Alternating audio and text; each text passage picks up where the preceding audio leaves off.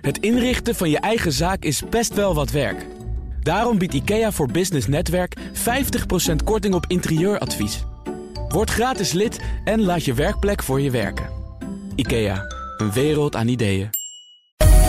Ondernemerspanel. Amsterdam heeft het startschot gegeven voor fysieke zakelijke evenementen in de stad. En platformcorporaties krijgen steeds meer voet aan de grond. Dat en meer bespreek ik in het ondernemerspanel met Quinten Schevernels, investeerder en ook de baas van Funda. En Jacqueline Smit van Rockport Inc. Fijn dat je er bent. Ja. Leuk om te En um, Quinten, ja, het, het, moet er heel eventjes van komen. Funda is veel in het nieuws geweest. Heb je alle kikkers nog in de kruiwagen? Nee, nog niet. Nog niet. Work in progress. Ja, want uh, om, om daar even heel kort op, op in te gaan, de grootste aandeelhouder, uh, ook de oprichter van Funda, de makelaarsvereniging NVM, heeft uh, een strategie afgerond of een, een, document afgerond en besloten dat ze het meerderheidsbelang over de site, over het platform, over Funda willen behouden. Uh, jij hebt daar ook kort op gereageerd, zo diplomatiek als je uitgesproken kunt zijn in het FD, namelijk dat een aandeelhouder met meer kennis van de platformtechnologie wel een toegevoegde waarde zou zijn. Ja, ja wat, wat gebeurt er met die wens? Nou, kijk, ik denk dat het belangrijkste is. Funda is natuurlijk een geweldig mooi, succesvol bedrijf. met allerlei stakeholders en ook verschillende aandeelhouders. Minderheidsaandeelhouder, meerderheidsaandeelhouder. Ja, dat is duidelijk geworden. En, ja, en, die, en, en die belangen lopen niet altijd uh, parallel. We hebben een groep van de minderheidsaandeelhouders die graag zeg maar, hun belang zouden willen verkopen. Dat is natuurlijk een hele interessante strategische vraag. En ik denk dat het voor het bedrijf heel goed zou zijn als daar iemand zeg maar, bij komt die ook als aandeelhouder echt wat kan toevoegen. Nou ja, dat is uiteindelijk natuurlijk niet aan mij. Hè. Ik ben de CEO, ik ben niet de aandeelhouder. Dus dat is dan de vraag voor de aandeelhouders: van ja, hoe kijken jullie daarnaar? En in dat proces zit met name de NVM, de grootaandeelhouder. Van oké, okay, wat betekent dat dan? En nou, welke het, is niet, het is niet aan jou, maar je bent niet voor niks daar uh, de CEO. Je kunt wel een voorkeursrichting aangeven. Ja, zeker. En dat heb je ook wel gedaan. Ja, ja. en dat, zo stond het ook in de krant. Ja. Dat klopt, en dat is mijn voorkeur. Oké. Okay. Wat is je eigen nieuws?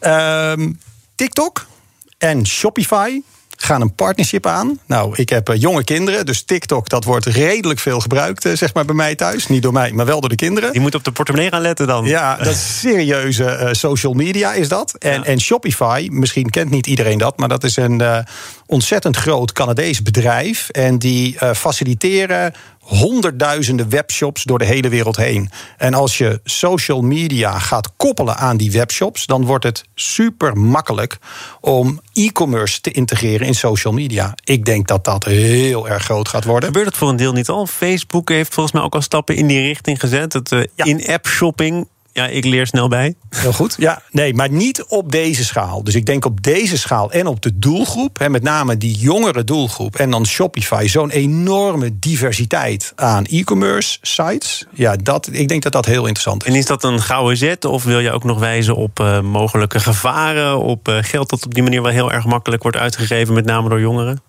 Nou, ik denk primair wel echt een gouden zet. En ja, natuurlijk, maar goed, dat geldt voor alle mediagedrag. Uh, ja. ja, moeten, moeten we daar een beetje verantwoord mee omgaan. Maar dat is een uitdaging. Die, die, die uitdaging wordt hierdoor denk ik niet groter dan die al is. Jacqueline, wat is jouw nieuws? Mijn nieuws is eigenlijk de, was een nieuwsgierigheidsnieuws. Het nieuwe mediaseizoen gaat uh, weer open. Hè. Iedereen is weer terug. Dus het gaat sowieso de fusie natuurlijk tussen Talpa en RTL. Uh, ik zag ook over nou, wat gaat er met de frequentieveilingen voor radio gebeuren. Uh, er, er, moet ACM moet ergens nog een uitspraak doen. nou, er was van alles en nog wat aan de hand. En ik zag ergens in een interview en adformatie dat de oplossing is om het niet meer te zien als een mediumwereld, dus de televisiewereld, maar als een crossmediale wereld. En dat verraste mij dan weer, dat dat nu zeg maar de oplossing is. Want het is geen oplossing, of het had al heel lang de het oplossing moeten zijn. Het had al heel lang een oplossing moeten ja. zijn, vermoed ja. ik. Ja. Uh, uh, en niet, hè, dus, dus er komt schaarste op televisie. Terwijl ik denk dat in de adverteerderswereld er wordt gekeken naar een oplossing via verschillende middelen. En niet zozeer over welk medium dat gaat. Dus dat verraste mij. Hmm. En wat verwacht jij dan? Want het is nieuwsgierigheidsnieuws. Wat denk je dat dat nieuwe seizoen gaat brengen? Ook, ook op beleidsmatig vlak, hè? want er moeten in ieder geval nog wat belangrijke besluiten worden genomen. Nou, wat ik ook zag bijvoorbeeld is dat het gaat over producties in Nederland houden. En te zorgen dat die Nederlandse mediawereld oplossingen blijft bieden voor de adverteerders in Nederland en de ondernemers in Nederland. En dat lijkt me een hele goede zet. Dus dat toch weer die samenwerking waar het wel over gaat, maar nog niet heel veel initiatieven in zit, behalve de fusies. We gaan uh, naar een uh, eerste onderwerp in dit panel. Anderhalf jaar kon je in de RAI in Amsterdam vooral terecht voor een coronatest. Over een maand staat het eerste fysieke zakelijke evenement weer op de agenda. En gisteren werd het startslot gegeven voor de terugkeer van die evenementen. Nou, het gaat gewoon gebeuren en, en, en moeten. Ja, het is natuurlijk voor, voor. Fintech, dat is de eerste conferentie die we weer gaan houden. Maar voor de stad Amsterdam is het belangrijk is dat congressen echt weer uh, ja, gaan beginnen. En uh, gelukkig uh, gaat dat gebeuren. Woorden van de Amsterdamse wethouder die hierover gaat, Victor Evert. Hebben jullie het erg gemist, de fysieke bijeenkomst? Ja, Waarom? Ja, omdat ik denk dat elkaar ontmoeten en contacten leggen toch makkelijker gaat als je elkaar ziet. En door zo'n congres uh, kom je ook relevante uh, contacten tegen. En dus als het over de financiële wereld gaat, dan kom je ook die mensen tegen waar je dan een netwerk in kan opbouwen of contacten kan Ging je ook leggen. vaak naar een congres waarvan je achteraf dacht: ik had wel thuis kunnen blijven? Best wel. ja, de eerlijkheid ja. verbiedt dat dat ook het geval is. Ja, dus, dus je moet wel je... goed kiezen daarin. Ja, nou betekent dan deze periode waarin die fysieke evenementen, of het nou een congres was of een beurs, waarin dat allemaal niet plaatsvond, dat je dan in de toekomst, ook al zijn ze er weer, selectiever gaat worden? Ja. ja. Ik hoop ook een beetje dat ze wat kleinschaliger worden. Dat je elkaar wat beter kunt ontmoeten dan in die hele grote zalen met duizend mensen. Ja, en dat was natuurlijk sowieso ook voor corona. Is dat al echt een probleem? Hè? Op de hele grote events, hoe vind je dan de relevante mensen? Dus laten we dat dan ook maar, uh, maar oplossen nu. Maar Quinten, jullie organiseren met Funda ook zo af en toe bijeenkomsten om mensen te informeren, om iets te zeggen over Funda of over de huizenmarkt, over iets uh, grotere thema's. Uh, als jij nu iets uh, in de stijgers moet zetten, misschien ben je wel bezig. Ja. Wat zijn dan je overwegingen? Ja, het is best wel lastig. Dus wij hebben eerder dit jaar hebben we voor makelaars best wel een groot product gelanceerd. En dan doe je dat uh, met een uh, webinar. En dan waren er meer dan duizend makelaars aanwezig, noem maar op. Maar normaal gesproken, als je zoiets groots doet en je huurt gewoon een locatie af, dan is het niet alleen maar zenden, zenden, zenden. Maar dan kunnen mensen toch wat makkelijker vragen stellen. En na afloop doe je daar een borrel bij. Dan heb je veel mensen van Funda rondlopen. Mensen kunnen wat laagdrempeliger vragen stellen. Ze kunnen een beetje relatie opbouwen. En als je dat via een scherm moet doen, is het natuurlijk best wel ingewikkeld. Wij zijn nu, als we naar voren kijken en meer en meer mensen gevaccineerd, hopelijk geen grote golf die komt, nog steeds wel uh, heel voorzichtig en terughoudend. Hè. Dus we hebben net de discussie gehad of bijvoorbeeld voor uh, de mensen in het bedrijf zelf, 150 man, of we dit najaar een event wilden doen, dat we allemaal elkaar weer konden zien. En hebben gezegd, nou, dat gaan we nu nog niet definitief maken. Toch even afwachten. Dus toch nog wel voorzichtig hoor. Ja. Snap jij de terughoudendheid? Ja, ja, ja. Ik, en ik merk het ook wel om me heen. Ik denk dat er wel behoefte is aan contact, maar inderdaad wel dat het veilig blijft. Mensen hebben toch het gevoel van, ik weet nog niet helemaal hoe het gaat. En misschien kun je dan ook meteen die gelegenheid pakken door zo te segmenteren in je publiek, dat die relevantie ook weer omhoog ja. gaat in de ontmoeting. Ik denk dat er dan een goede beweging komt zo. Ja, want want uh, netto, hè, om, om dat maar even zo uit te drukken... wat levert een congres of een zakelijke bijeenkomst nou precies op? Hè? Je spreekt dus wat mensen, je doet dan relatiebeheer... ook een vrij brede term. Maar um, als je de weg terug aflegt... zie je dan wel eens dat via een congres of een zakelijke bijeenkomst... er een contact gelegd is dat uiteindelijk heeft geleid tot een deal?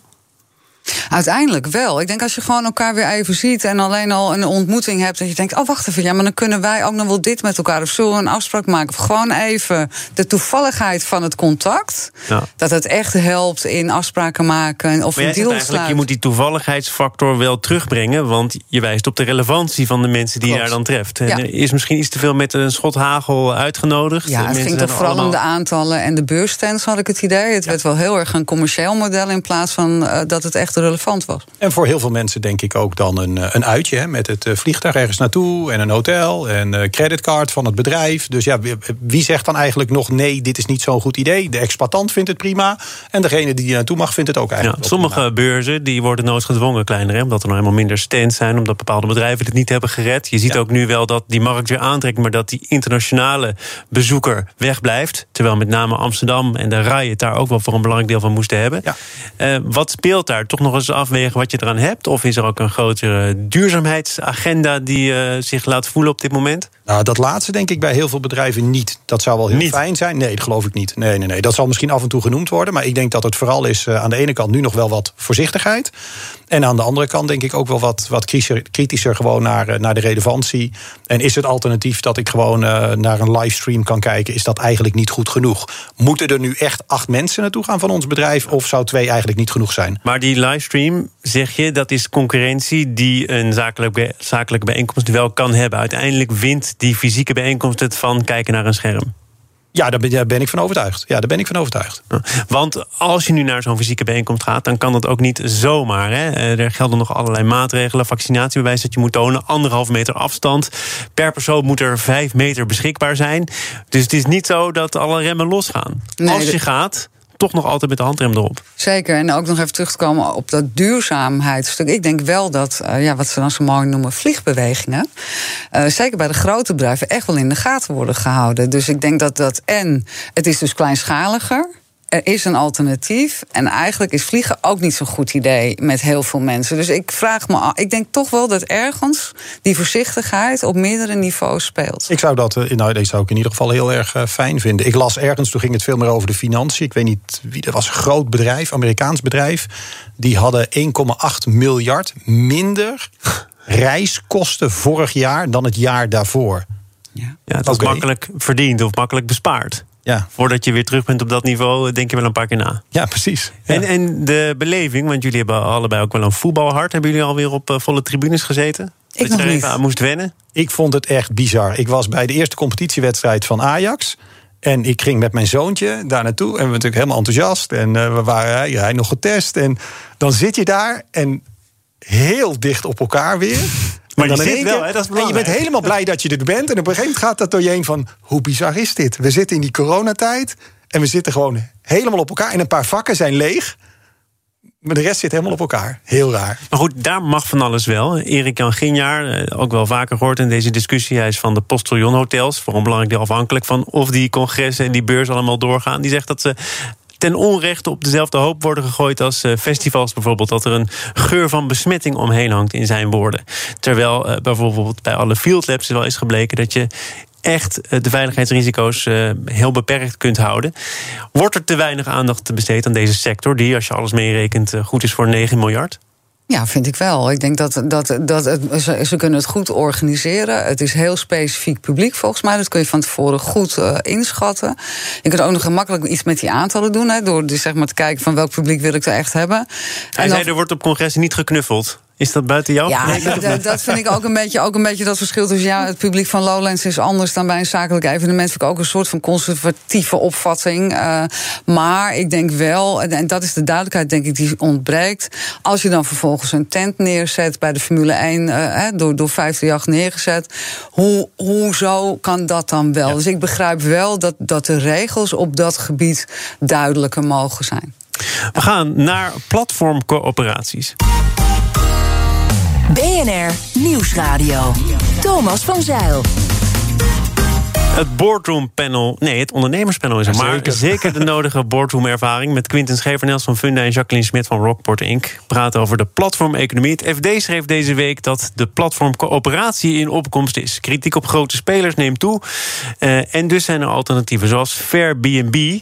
Platform steekt de helft van de winst in lokale projecten, stelt ook meer regels voor de verhuur op, hanteren een one host, one house policy. Eigenlijk zou je kunnen zeggen, Quinten, hoe Airbnb als onderdeel van wat we toen nog knuffelbaar vonden, ook begonnen is. Hè? Ik ga op vakantie, mijn huis staat leeg, jij wil ook wel eens ergens anders zijn. Wees welkom. Ja. Ehm, kan dat via deze platformcoöperaties toch weer doorgang vinden, dit soort nobele motieven? Nou, ik denk dat Airbnb doet dat natuurlijk nog steeds. Hè? Dus het is niet zo Oh ja. dat ze zijn gestopt dat te doen. Maar daar zijn natuurlijk ook gewoon hè, beleggers zijn onderdeel daarvan geworden. Airbnb investeert ook hartstikke veel in communities. Hè. Die hebben een community fund van 100 miljoen, wat ze heel bewust in buurten investeren, noem maar op. Maar wat je wel ziet, is dat bij een hoop van die platformen natuurlijk op een gegeven moment, ja, wie heeft welk belang hierbij? Waar ligt de macht? Hoe ga je daarmee om? Dat zou via zo'n model van meer die coöperatieve platformen zou dat opgelost kunnen worden. Maar ik denk dat dat vraagstuk natuurlijk ook gewoon door de platformen zelf, of dat nou Airbnb, thuisbezorgd, Uber, wie het ook is. Als je daar natuurlijk gewoon een beetje met een langetermijn perspectief naar kijkt, ja, dan wil je eigenlijk al die stakeholders op dat platform, ja, die wil je voldoende incentive geven, voldoende beloning. Dus dat moet je misschien opnieuw gaan uitvinden. Maar als je dat opnieuw gaat uitvinden, dan kom je wel behoorlijke grote financiële belangen tegen natuurlijk inmiddels. Hè? Eh, ja. Al die platforms hebben een marktaandeel kunnen veroveren door investeerders, hebben onder de kostprijs kunnen opereren. En vond ik nog wel interessant, eh, de conclusie van een onderzoeker van de Erasmus Universiteit, Jovana Karanovic, die zegt er klopt eigenlijk iets niet. Want hoe meer chauffeurs bijvoorbeeld Uber heeft, hoe slechter het voor de chauffeur is en hoe beter het voor de klant is. Dus als je op die manier doorgaat, is er nooit een situatie waarin beide partijen winnen. Klopt. Dus je, het is een, het is een on, ja, oneerlijk model eigenlijk. Hè. Ik bedoel, sowieso al onder de prijs zitten in een industrie is natuurlijk al. Hè. Dus daarmee maak je ook dingen stuk. Dat kan omdat investeerders zeggen: deze aanloopperiode heb je nodig. En uiteindelijk zullen wij dat terugverdienen. Ja, klopt. Dus, dus, maar als je dan kijkt naar wat zo'n Airbnb doet, die eigenlijk vanuit de kern een, een sociaal uitgangspunt heeft. Hè, want ik denk dat Airbnb het uiteindelijk wel is gaan doen ook door de tegendruk van de maatschappij, maar niet vanuit hun, hun uh, ontstaansprincipe. Dat doen zij wel. Dus ik denk dat het gaat over hoe kan je het ecosysteem, de mensen, de bereiders, de mensen die het product gebruiken, hoe kun je dat zo inrichten dat het een soort eerlijkheid in zich heeft voor elke partij. Ja, maar er zijn heel veel vragen die nog wel wachten op een antwoord. Denk ja, maar dat klopt. Maar dus, ik heb, ben even naar Airbnb gegaan en dan kijk ik naar Amsterdam. En dan zie ik vijf huizen en dan zie ik twee projecten, Amsterdam Noord en uh, Zuidoost, om daar bijvoorbeeld bijvoorbeeld iets voor de, voor de community te doen. denk ik, ja, dat voelt ook een beetje. Lukt dat dan ook hè, op deze manier? Dus heb je uiteindelijk die schaal niet nodig? Nou, die schaal heb je misschien wel nodig. Maar je ziet dan bij die grote bedrijven dat het ergens onderweg wel misgaat. Omdat er, nu eenmaal gedacht moet worden aan hoe het op de beurs verloopt, aan eh, de belangen van de investeerders. Uh, en, en ja, die knoop is moeilijk te ontvangen, denk ik. Ja, nou ja, dat, dat zijn natuurlijk allerlei keuzes die je maakt onderweg. Maar ik, ik denk, nou ja, een Airbnb, bedoel, ik, ik ken zeg maar die case Airbnb vrij goed. Ik denk dat dat echt wel een ander bedrijf dan bijvoorbeeld Facebook en noem maar op. Dus dat is niet, hebben ze niet later erbij bedacht. En dat is ook echt wel uh, gewoon wat de bedoeling van het bedrijf is. Maar wat is de bedoeling van het bedrijf? Want de eerste dag van Airbnb zag er toch heel anders uit dan wat Airbnb vandaag de dag is. Ja, natuurlijk. Ja, maar dat is ook omdat het schaal heeft gekregen. Andere behoeften van klanten aan allebei de kanten. En zo ontwikkelt zoiets zich door. En dat komt dan met een verantwoordelijkheid en verwachtingen. En hoe vul je dat dan precies in? En zullen ze dat, ik denk dat zij niet voorzien hadden dat de impact zo groot zou zijn in steden. dat dat in Venetië allerlei enorme problemen zou gaan geven ik denk dat zij nooit hun succes zo hadden voorzien. Dus als dat gebeurt. Maakt er echt iets uit, denk je? Ja, denk ik wel. Dat denk ik wel. Ja, en dat geldt niet voor allemaal hoor. Maar specifiek, als je gewoon luistert, die Brian Chesky, die founder, gewoon echt structureel, al niet, niet afgelopen jaar, maar al jarenlang, alles wat je van hem leest en hoort. Ja, dat, Als je ik kijkt heb wel hoe moeilijk dat de afspraken zijn uh, geweest... of de totstandkoming van die afspraken met bijvoorbeeld bepaalde steden... om ervoor te zorgen dat er niet ongebreideld uh, je huis in de verhuur ging... dan komt Airbnb, hoe uh, nobel ze het waarschijnlijk ook bedoelen, niet altijd als uh, voorvechter van gelijkheid en de sociale impact naar voren natuurlijk. Ja. Maar jij zegt, als je het afbelt, dan is het wel degelijk een bedrijf dat het beste voor. Nou, ik vind, eh, zij zouden niet, eh, als je kijkt van uh, wie, wie doen zeg maar meer evil, waar maak ik me meer zorgen over? Nou, er staat van de grote platformen met veel macht, staan zij echt bij mij niet bovenaan hoor. En wie staat er dan wel bovenaan? Ah, dan kom je veel meer, vind ik, in de categorie van uh, Uber, Facebook, uh, Chinese platformen. Dat is echt totaal andere categorie, vind ik. Um, hoe voorkom je, of moet je dat niet willen voorkomen, dat, dat, dat dit soort bedrijven zo groot en zo machtig worden? Ja, kijk, ik denk uiteindelijk dat een consument uiteindelijk toch gaat voor die lagere prijs, het gemak en een hele goede infrastructuur die ze hebben om de dingen te regelen. En je zou nou bijvoorbeeld als overheid kunnen zeggen: wij gaan jullie verplichten om sociale premies nou, af te dragen. Dat sowieso. Ik bedoel, ja, maar dat moet nu via de rechter worden bevochten. Absoluut, maar dat is natuurlijk, hè, dat heb je ook gezien met dat uh, belastingvraagstuk uh, rondom boeking, zullen we maar zeggen, in Nederland. Wat ook trouwens heel onhandig is aangepakt uiteindelijk. Ja. Uh, maar, maar natuurlijk moet je druk vanuit. De lokale druk is dan belangrijk. Want die internationale netwerken die, die kijken daar toch anders naar. We gaan eh, naar het eh, thuiswerken. Want de, de, meeste mensen zitten sinds anderhalf jaar achter een klein bureautje op de studeerkamer. Of misschien zelfs achter de keukentafel te werken. En dat eist zijn tol. Vakbonden en zorg van de zaak zien steeds meer psychische klachten. En dat komt overigens niet alleen door het thuiswerken, maar ook door de terugkeer naar de kantoortuin. Die nog altijd niet helemaal verbannen is. verbaast jou dit, Quinten? Nee, niet echt. Nee, het is wel een beetje een uh, marathon geworden en de nieuwigheid is er wel vanaf. Dus ik kan me heel goed voorstellen dat mensen daar uh, echt wel serieus mee, uh, mee worstelen. En ik denk ook de onduidelijkheid van ja, hoe ziet het er dan over vier weken uit, acht weken uit? Werk ik dan nog thuis? Gaat mijn werkgever zeggen nu moet je naar kantoor komen? Dus dit, ik denk dat het ook best wel stress geeft. Gewoon de onvoorspelbaarheid wat er gaat gebeuren. Ja, en dat is voor een deel onvoorspelbaarheid die voortkomt uit wat er in Den Haag wordt bepaald. Maar er ligt dus ook een rol voor werkgevers Zeker. weggelegd. Ja. Dus ook voor bijvoorbeeld uh, jou. Ja. Ja. Bij Funda. Ja. ja, dus proberen heel open te communiceren, uh, duidelijkheid te geven, noem maar op. Maar wij hebben een plan liggen wat wij willen doen op het moment dat iedereen weer naar kantoor zou mogen. Hoe we dat willen doen. Maar we kunnen er geen datum op plakken. Dus dat is echt heel vervelend. We hebben echt een ontzettend goed plan, samengemaakt met personeel, noem maar op. Maar je kan er geen maar datum weet op jij plakken. op dit moment voldoende hoe het gaat met eh, de 150 medewerkers van Funda? Ja. Dat weet jij? Ja, nou, dat weet ja. ik natuurlijk niet, Nou ja, goed niet genoeg. tot achter. Nee, maar dat, dat weet- nee, daar we hebben echt sowieso zijn we daar heel erg veel mee bezig, ook al voor corona. Vanaf het moment van de lockdown nog veel meer. En dat is niet alleen interactie die ik zelf heb, kriskras door het bedrijf. Dat zijn ook de andere managers. Dat is eh, zeg maar medewerkerstevredenheid En onderzoek. wat doe je wij- als het eh, met iemand eh, wat minder goed lijkt te gaan? Nou, hebben we, ik, heb, ik heb collega's. Je, hebt, je hebt managers, we hebben HR-mensen, die gaan dan in gesprek. We gaan kijken hoe we dat kunnen oplossen. Wij zijn extreem flexibel naar mensen geweest. Als werktijden niet passen, dan passen we dat aan. Als je wat meer vrije dagen moet hebben, dan regelen we dat. Dus, en, en dat zie je ook terug in ons medewerkerstevredenheidsonderzoek. Dat de medewerkers bij Funda daar gewoon ongelooflijk blij mee zijn. Eh, dat je als werkgever een beetje meebeweegt op het moment dat dat nodig is. Jij hebt natuurlijk lang gewerkt bij Microsoft. Eh, Een bedrijf dat, eh, zou ik zeggen dan, als een van de weinige bedrijven... echt goed geoutilleerd begon aan dat nieuwe werken, aan dat thuiswerken. En al heel lang. Ja, maar blijkt, zelfs daar en bij dat soort bedrijven, bij dat soort voorlopers, misschien toch dat er een keer een grens aan zit. Dat het kantoor gewoon belangrijk is. Ja, absoluut. En, en, en de grens zit namelijk bij de mensen zelf. Eh, dus op een moment, je moet heel goed in de gaten houden dat mensen een, eh, simpelweg gewoon stoppen met werken. Dat een laptop ook dicht gaat. Eh, de sociale controle onderling. Dat als jij s'morgens sport, dat je niet toch opmerkingen bij de lift krijgt. Hè? Bijvoorbeeld dat soort kleine dingen. Maar ook eh, individueel maken van wat is de thuissituatie. Want het is anders als je twee kleine kinderen hebt en dat eh, kinderen bijna het huis uit zijn. Dus de, de aandacht voor de individuele toestand, dus hoe iemand omgaat met het hybride of thuiswerken, die is heel belangrijk. En wat ik een beetje zie, is dat het een soort van een machtige grote beweging is. Van zo organiseren we dat voor iedereen. Maar het is zo situationeel, het kan zo anders zijn. Sowieso ook de weerbaarheid van mensen is ook niet voor iedereen gelijk. Maar eh, eigenlijk eh, leidt het ook weer onherroepelijk tot de discussie over het recht op onbereikbaar zijn.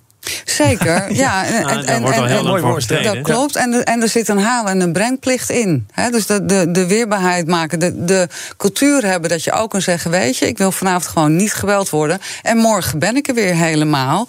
eh, is niet alleen maar een werkgeversverantwoordelijkheid. Ja, ik zag eh, gisteren iemand op Twitter zeggen: wat deden mensen eigenlijk op hun werk voordat we konden e-mailen? Want dat gaat natuurlijk voortdurend door. hè. Waarom zou jij mij niet om tien uur nog een mailtje sturen? Ja. En dan, dan, moet, dan moet je dus eigenlijk tegen jezelf kunnen zeggen: het kan wel, maar ik doe het niet. Ja, of nou ja, je kan prima op zich sturen, de- dat mailtje sturen. Alleen je moet niet gaan verwachten dat iemand dan om kwart over tien ook meteen naar jou terugreageert. En verwacht je dat wel eens? Eh, nee, nee, eigenlijk niet. Nee, als ik dat echt zou verwachten, dan stuur ik iemand wel een appje of dan bel ik hem. Maar dat, nee, maar dat is echt... manieren, links Ja. of rechtsom. Nee, natuurlijk. Maar, ja, maar waar heb je dat over als bij ons gewoon eh, de site eruit ligt? Hè? Ja, dus oh, echt, dat zijn noodgevallen. Nee, verder, nee, verder zou je mij dat niet snel zien doen. Nee. Nee, en de- ik denk ook in Outlook zit zo'n hele mooie functionaliteit over vertragen. Dus kun je hem wel s'avonds schrijven, maar pas de volgende morgen laten versturen door het Ja. systeem. Ja. Dan komt hij in ieder geval niet binnen. Want ik denk dat dat namelijk wel zo is. Dat als mensen het toch zien, dat ze het gevoel hebben dat ze iets moeten doen. Jij moet mij toch nog eens wat beter bijbrengen wat er allemaal mogelijk is. Dank voor nu. Jacqueline Smit van Rockport Inc. en Quinten Schevenels van Funda. Zometeen is het tijd voor de nieuwsupdate. En daarna wordt er gepitcht in dit programma. Als ondernemer hoef je niet te besparen op je werkplek. Want IKEA voor Business Netwerk biedt korting op verschillende IKEA-producten. Word gratis lid en laat je werkplek voor je werken. IKEA, een wereld aan ideeën.